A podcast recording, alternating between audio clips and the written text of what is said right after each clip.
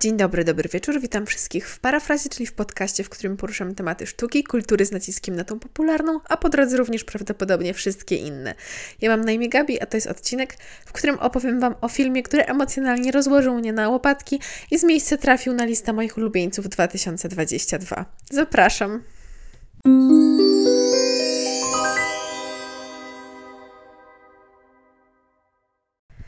E, witam Was jeszcze raz Mam nadzieję, że trzymacie się zdrowo w tych pandemicznych czasach.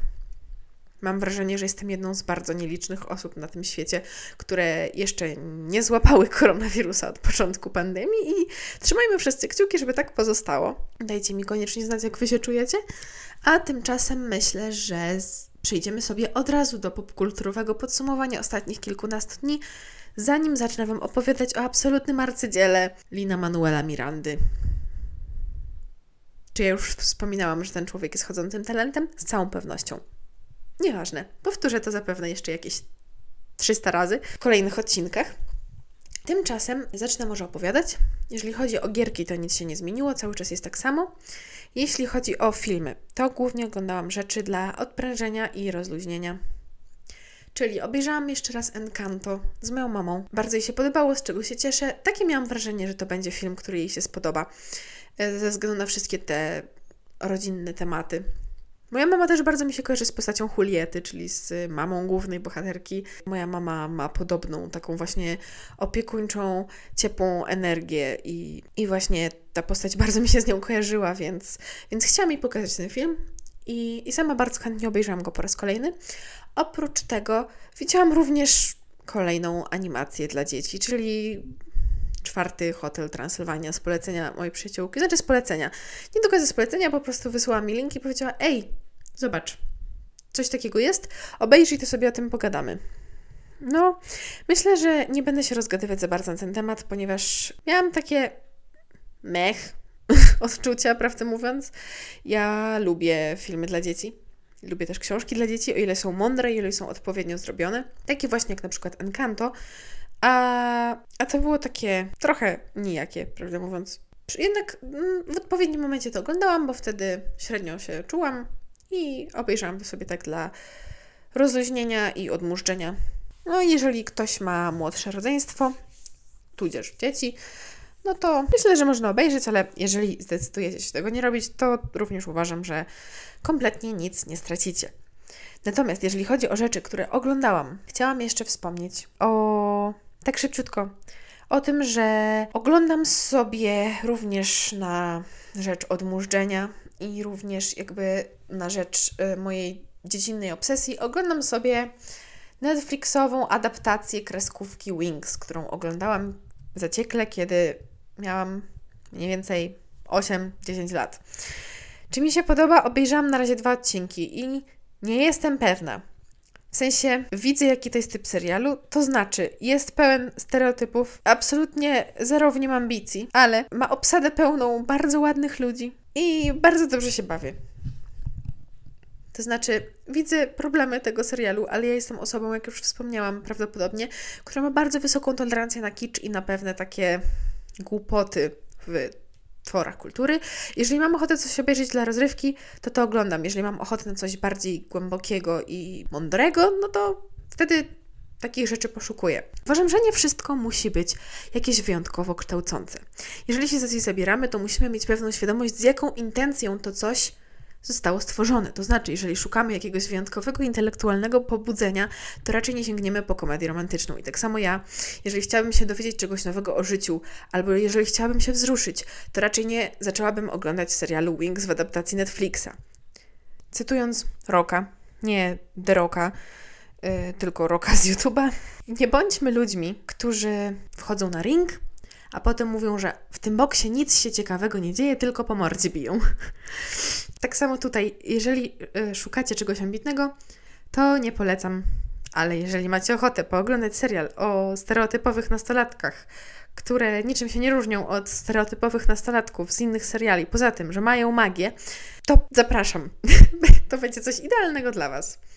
Poza tym, obejrzałam coś, co z kolei moim zdaniem jest absolutnym arcydziełem.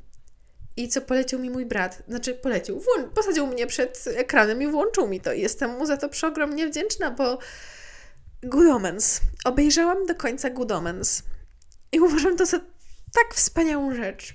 I to zapoczątkowało moją kompletną obsesję na punkcie mm, Dawida Tenanta. Zarówno y, Michael Sheen, jak i David Tennant zrobili genialną robotę w swoich rolach. Ich relacja jest absolutnie przepiękna. Bardzo chcę przeczytać książkę i zapewne niedługo to zrobię.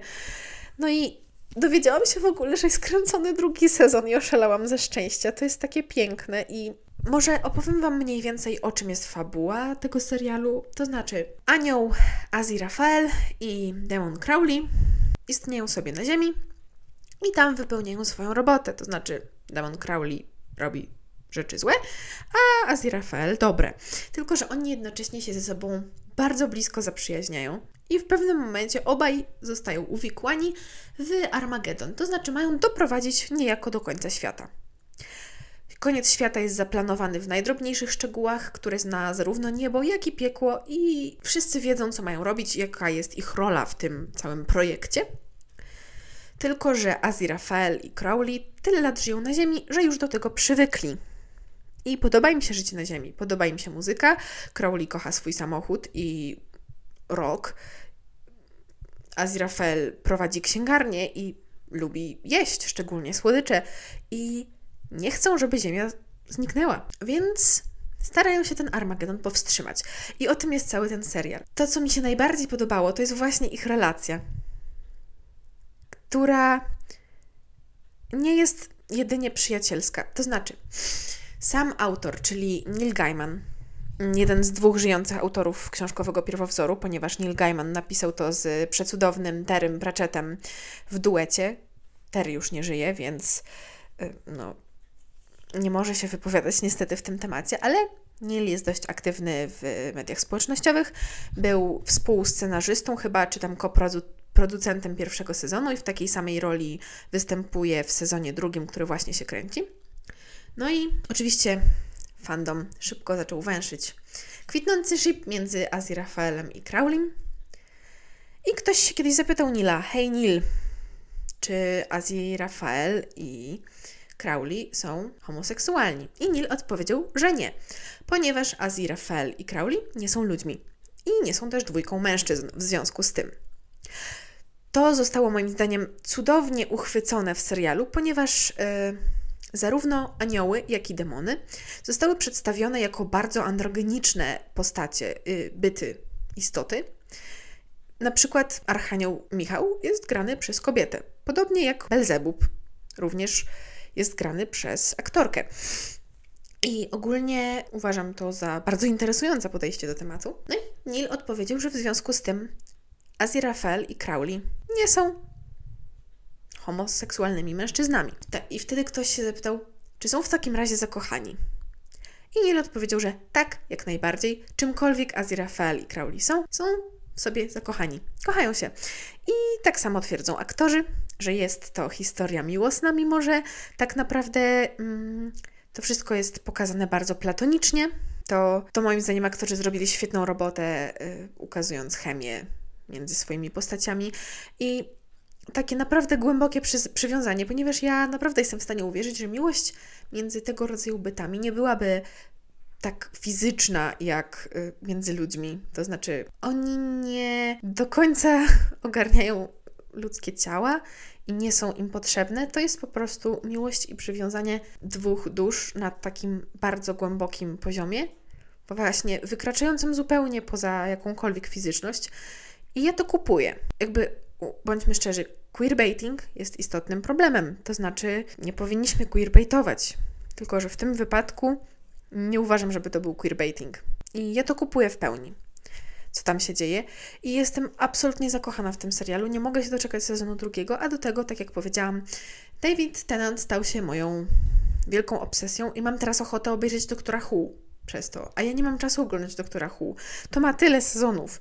I nie, ale tak bardzo mam na to ochotę. Słuchałam e, fragmentów jego podcastu, oglądałam Staged, czyli taki internetowy show, który yy, właśnie David i Michael, dwójka głównych aktorów, wyprodukowali razem podczas kwarantanny.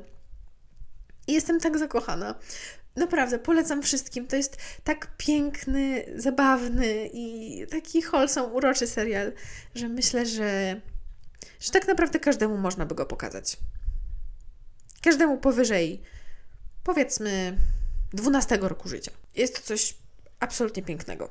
Myślę, że dojrzałe dzieci w młodszym wieku również spokojnie mogą go obejrzeć.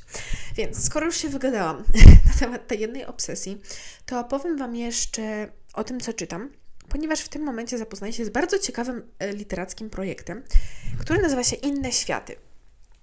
Inne Światy jest to książka. Mm, o tyle interesująca, że jest to antologia opowiadań autorstwa takich topowych polskich autorów na podstawie obrazów Jakuba Różelskiego. To znaczy, każde z tych opowiadań jest inspirowane właśnie obrazami Jakuba Różelskiego.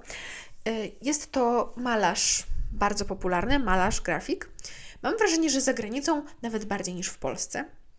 Polecam sobie wygooglać jego obrazki, są niesamowite. O ile malarstwo jest tą dziedziną sztuki, która interesuje i porusza mnie najmniej, o tyle muszę powiedzieć, że y, jego dzieła naprawdę są bardzo interesujące, ponieważ łączą ze sobą takie staropolskie klimaty i bardzo futurystyczne, to znaczy na przykład chłopów, maluje chłopów z kosami, którzy przyglądają się na przykład jakimś takim wielkim mechanicznym maszynom rodem z Gwiezdnych Wojen, albo na przykład jest y, obraz, który przedstawia takiego typowego staropolskiego górala w tradycyjnym stroju, który wypasa stado owiec na mechanicznych szczudłach. Uważam to za mega super. Do tego mm, często rysuję wilkołaki albo różne inne mm, takie dość mroczne istoty naszego rodzimego folkloru, więc polecam zapoznać się z twórczością tego pana. I polecam też zapoznać się z, właśnie z tym projektem, ponieważ mamy tutaj dużo. Każde opowiadanie jest trochę inne i każde opowiadanie jest na oczywiście trochę innym poziomie, każdemu spodoba się troszeczkę co innego, ale mamy dużo motywów alternatywnych rzeczywistości, dużo motywów takich właśnie polskich. Mamy sporo poruszania tematu w stylu, y, co by się stało, gdyby historia świata potoczyła się troszeczkę inaczej. Na przykład mamy opowiadanie, w którym Japonia wygrywa II wojnę światową i niejako przejmuje tak naprawdę zdecydowaną większość świata, w tym Polskę. Więc y, mamy zaborcę nie w postaci Rosji czy Niemiec, jak przez w naszej że tak to nazwę, standardowej historii, tylko jesteśmy pod zaborem Japonii. Jest to moim zdaniem dość ciekawe. Mamy tutaj takich autorów jak Sylwia Hutnik, Jacek Duka i Aneta Jadowska, Anna Kańtoch, Jakub Małecki, Remigiusz Mróz, Łukasz Orbitowski, Robert Schmidt, Aleksandra Zielińska i Jakub Żulczyk. Ja jeszcze ich wszystkich nie przeczytałam, jestem mniej więcej w połowie i jak na razie moje ulubione opowiadanie to opowiadanie otwierające, czyli opowiadanie Jakuba Małeckiego, i opowiadanie Łukasza Orbitowskiego. To są na razie moje dwa ulubione. To się może jeszcze zmienić, jak przeczytam książkę do końca. Więc myślę, że, że jeszcze coś o tym opowiem, jeżeli y, dojdę do jakichś bardzo interesujących wniosków. I myślę, że, że to by było na tyle z tego mojego segmentu popkulturowego. Wyszedł naprawdę dość długi ze względu na moją y, ekscytację Davidem Tenantem i Good Omens, ale niczego nie żałuję. Było warto. Więc y, mam nadzieję, że trzymacie się mocno, bo teraz przejdziemy do kolejnej obsesji.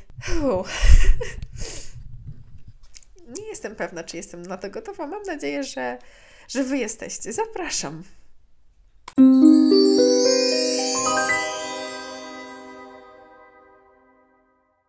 Ok, myślę, że możemy sobie zacząć od wyjaśnienia, czym tak właściwie jest Tick Tick Boom, ponieważ Tick Tick Boom w swojej pierwotnej wersji było czymś w rodzaju e, one-man show. W zamyśle taki trochę podobny projekt jak na przykład e, Inside Bobernama, który możecie kojarzyć. Swoją drogą bardzo polecam. Świetna rzecz. E, I jest to rzecz autorstwa Jonathana, Jonathana Larsona, czyli twórcy takiego znanego musicalu jak Rent. Ja Rent jeszcze nie słuchałam ani nie oglądałam, ale na pewno to zrobię jakoś dosłownie na dniach, ponieważ o tym też chciałabym nagrać odcinek i połączyć to z opowiadaniem o moich ulubionych musicalach, ale to, mm, to jest temat na, yy, to jest temat na inny raz, że tak to powiem. Natomiast Tick Tick Boom jest w pewnym sensie historią życia Jonathana, może nie do końca prawdziwą, może trochę fabularyzowaną, ale opowiada on tam o, o życiu w Nowym Jorku i o swoim procesie twórczym o pisaniu Superbi, czyli y, musicalu, nad którym pracował wcześniej i który nie za bardzo się sprzedał. I Lin-Manuel Miranda, o którym już wspominałam niezliczoną ilość razy, został reżyserem wersji filmowej tego musicalu, gdzie właśnie wszystkie piosenki zostały napisane przez Jonathana Larsona, kiedy jeszcze żył i przedstawione właśnie na ekranie przeplatane jakby właśnie z fabularnymi wstawkami z jego życia. W głównej roli mamy Andrew Garfielda, który obecnie przeżywa swój renesans w internecie. Wszyscy znowu przeżywają fazę na Andrew Garfielda i uważam, że ten facet zupełnie sobie na to zasłużył i że był niedoceniany bardzo, bardzo długo i że skoro teraz wszyscy go znowu uwielbiają, to tak powinno zostać już na dłużej. Okazało się, że ma naprawdę dobry głos, a na dodatek w roli Jonathana sprawdził się idealnie. I ja w ogóle uważam, że tym filmem zajęły się bardzo odpowiednie osoby i bardzo odpowiednie osoby wystąpiły w głównych rolach. Ponieważ widziałam po wywiadach i po publicznych wystąpieniach, że dla, że dla Lina Manuela Mirandy to była ważna rzecz i że on trochę się utożsamia z postacią, o której opowiada. I ten film rozłożył mnie emocjonalnie na łopatki. Nie pamiętam, kiedy ostatnio oglądałam coś, co tak mnie wzruszyło i coś, co tak bardzo rezonowało z moją wrażliwością, ponieważ tak naprawdę mm, właśnie ten cały musical, cały film musical opowiada trochę o takim kryzysie wkraczania w taką prawdziwą dorosłość, to znaczy główny bohater kończy 30 lat w roku 1990 i jest zestresowany tym, że jeszcze nie osiągnął tego wszystkiego, co sobie zaplanował i że tak naprawdę wciąż nie wie, jak poukładał mu się życie i przeżywa pewien kryzys z tego powodu, a jednocześnie bardzo intensywnie właśnie pracuje nad musicalem, który tworzył przez ostatnie 8 lat swojego życia. I o tym jest ten film. I już pierwsza piosenka całkowicie złapała mnie za serducho. Jest to film, który z każdym kolejnym obejrzeniem zyskuje. Przynajmniej w moim przypadku tak było.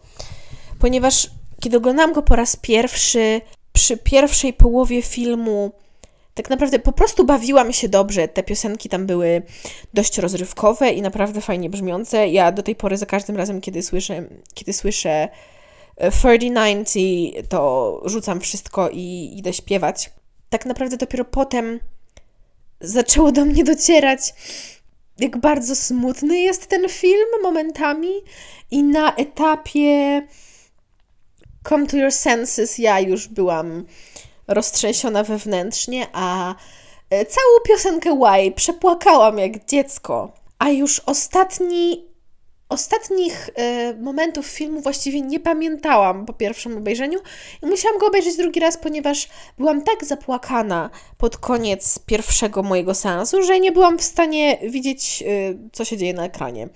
Oczywiście, że nie wszystko, co Jonathan napisał i powiedział, było do końca prawdziwe. To znaczy, Lin twierdził na przykład, że postać Susan, mm, inspirowana prawdziwą partnerką Jonathana Larsona, że istnieje i że dalej żyje. I skontaktował się właściwie z tym pierwowzorem, to znaczy z tą tancerką, która nie do końca była zadowolona z tego, podobno, jak została przedstawiona w Tick Tick Boom. Postać Michaela Czyli moja absolutnie ukochana postać z tego filmu, grana przez cudownego y, Robina de y, Jesusa, również jest inspirowana prawdziwym przyjacielem Jonathana Larsona, który zachorował na HIV i który obecnie jest podobno y, pływakiem, który odnosi całkiem imponujące sukcesy i który wygrał ze swoją chorobą. Co jest tak naprawdę dość niesamowite, ponieważ nikt się nie spodziewał, że, że z tej dwójki przyjaciół to właśnie ten Michael pożyje dłużej w prawdziwym życiu. Uważam w ogóle, że historia Jonathana Larsona jest absolutnie tragiczna, bo w przeddzień broadwayowskiej premiery swojego największego dzieła, które było potem grane przez bardzo wiele lat i które jest tak naprawdę już klasyką musicalu, z, zginął. Miał jakieś y, niezdiagnozowane problemy z sercem i w noc przed premierą po prostu umarł i, i nigdy nie zobaczył tak naprawdę swojego największego dzieła na scenie. I sam, już, już sam fakt, jakby ja oglądałam ten film nie wiedząc nic o tym człowieku. Słyszałam oczywiście o musicalu Rent, ale o twórcy nie wiedziałam zupełnie nic. I kiedy dowiedziałam się, że, że zginął właśnie w taki sposób, w tak ważnym dla siebie momencie, dowiedziałam się o tym dopiero pod koniec filmu. I to mnie już tak absolutnie zabiło. Jeden z ważniejszych problemów w tym filmie zupełnie mnie nie dotyczy. To znaczy, ja nie jestem w tym wieku, co główny bohater. Do trzydziestki brakuje mi jeszcze naprawdę całkiem sporo. I chociaż oczywiście ja w tym momencie mam, można powiedzieć, porównywalne problemy związane z wkraczaniem w dorosłość, czyli kończeniem 18 lat, co czeka mnie za pół roku i z tym, że muszę się zdecydować na to, jak powinno dalej wyglądać moje życie i w jakim kierunku powinnam pójść. To oczywiście też jest stresujące, ale tak naprawdę nie do końca się mogłam utożsamić z tym aspektem Tick Tick Boom. Natomiast to, co poruszyło mnie dużo, dużo bardziej, to ta kwestia tworzenia. Uważam, że ten film absolutnie niesamowicie opowiada o tym, jak to jest być twórcą, artystą i jak to jest poświęcać coś w imię sztuki. Ja aktualnie tworzę dla siebie głównie i dla moich paru czytelników na Wattpadzie, a mimo wszystko chciałabym z tym wiązać przyszłość. Chciałabym wiązać przyszłość z pisaniem. I mogą się pojawić drobne spoilery a propos fabuły filmu. Chociaż mam, myślę, że nie na tyle istotne, żeby mogło Wam to popsuć zabawę, jednak w razie czego ostrzegam, jeżeli są tu osoby, które nie lubią wiedzieć zupełnie niczego, kiedy coś oglądają. W każdym razie jest w fabule moment, w którym musical Jonathana zostaje wystawiony. Wszystkim się podoba, ale nie okazuje się spektakularnym sukcesem. To znaczy, wszyscy mówią: OK, to było fajne, i następuje koniec. I wtedy promotorka Jonathana mówi mu, że tak wygląda życie pisarza, tak wygląda życie twórcy.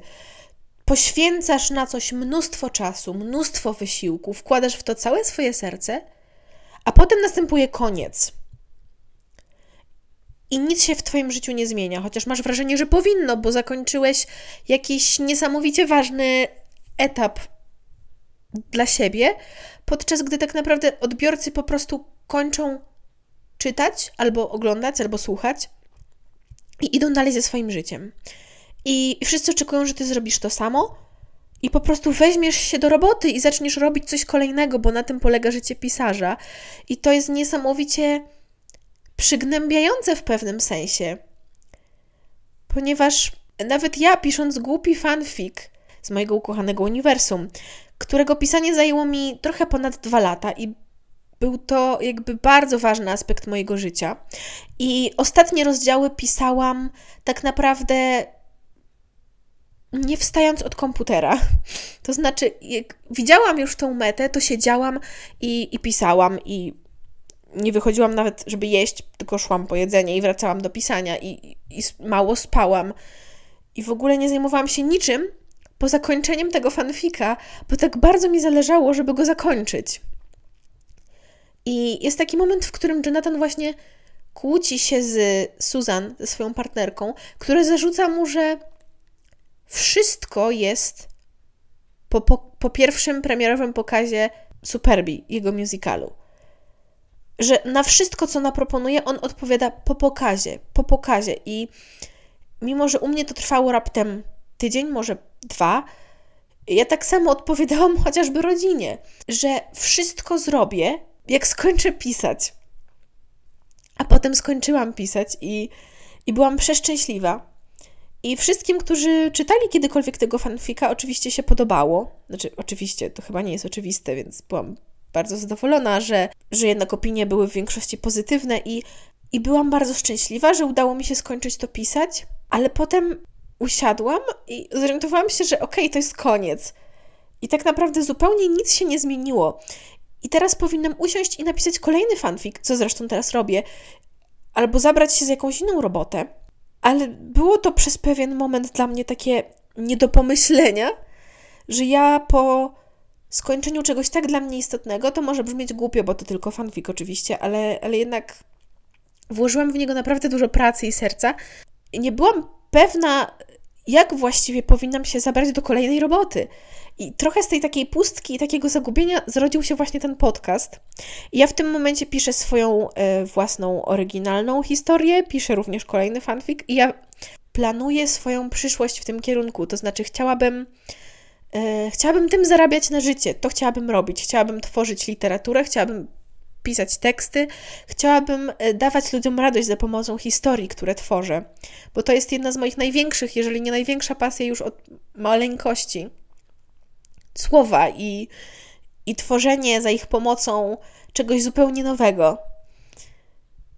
I to był taki właściwie pierwszy moment, w którym zdałam sobie sprawę z tego, że, że jeżeli ja naprawdę chcę to robić, to tak to będzie wyglądać, że będę harować, nie dosypiać, siedzieć przed komputerem, wściekać się, że nie umiem czegoś ubrać w odpowiednie zdania, będę stukać w tą cholerną klawiaturę, będę zmęczona, będę zirytowana tym, że mi nie wychodzi, tym, że nie mam weny.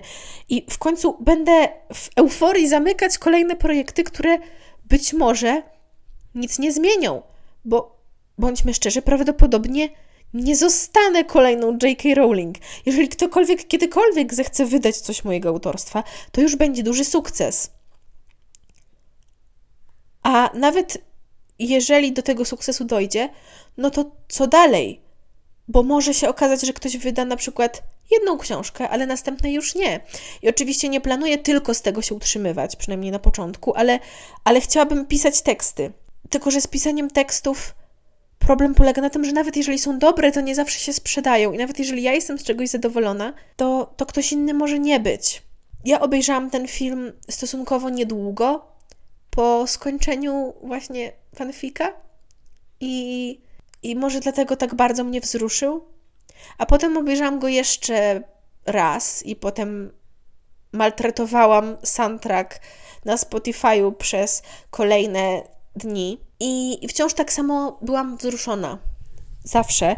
E, przepraszam, że teraz trochę takiej prywaty weszło, ale to dla mnie ważny temat i to dla mnie ważny film, który uważam za absolutnie przepiękny.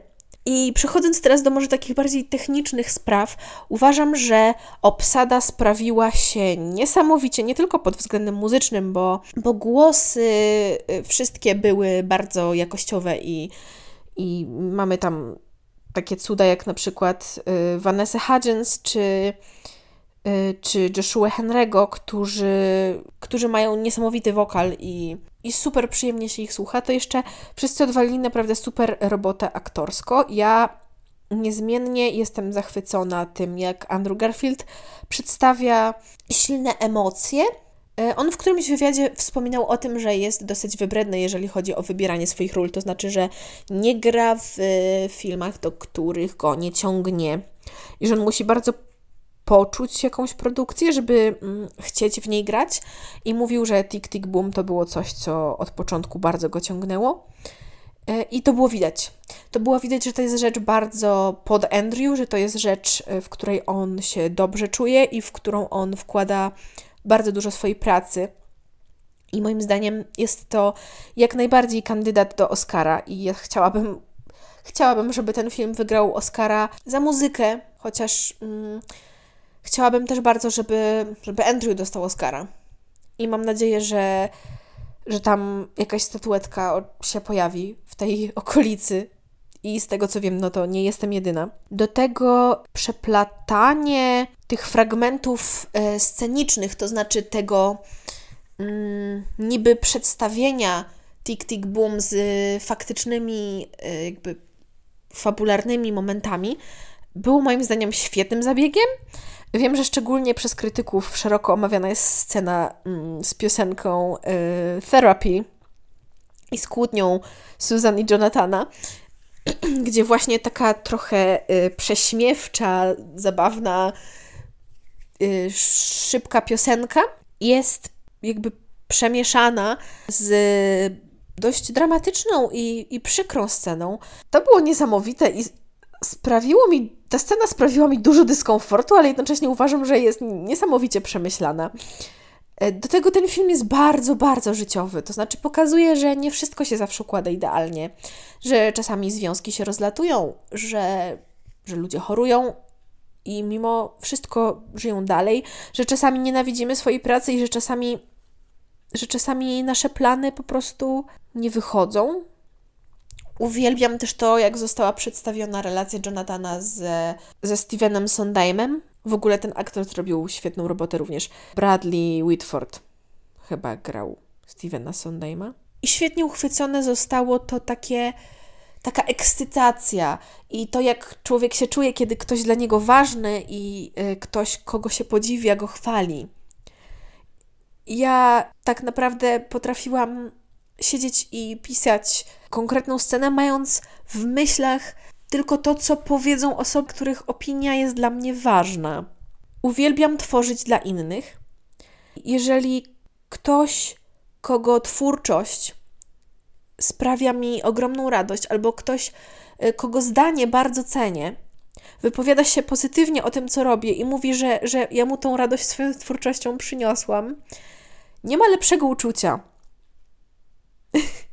I właśnie, tak jak Jonathan powiedział, że, że jedna pochwała Stephena Sondheima, który jest e, oczywiście legendą musicalotwórstwa i jest po prostu klasykiem klasyków, że jedna pochwała od Stephena Sondheima wystarczyła, żeby dać mu energii na dwa lata pracy.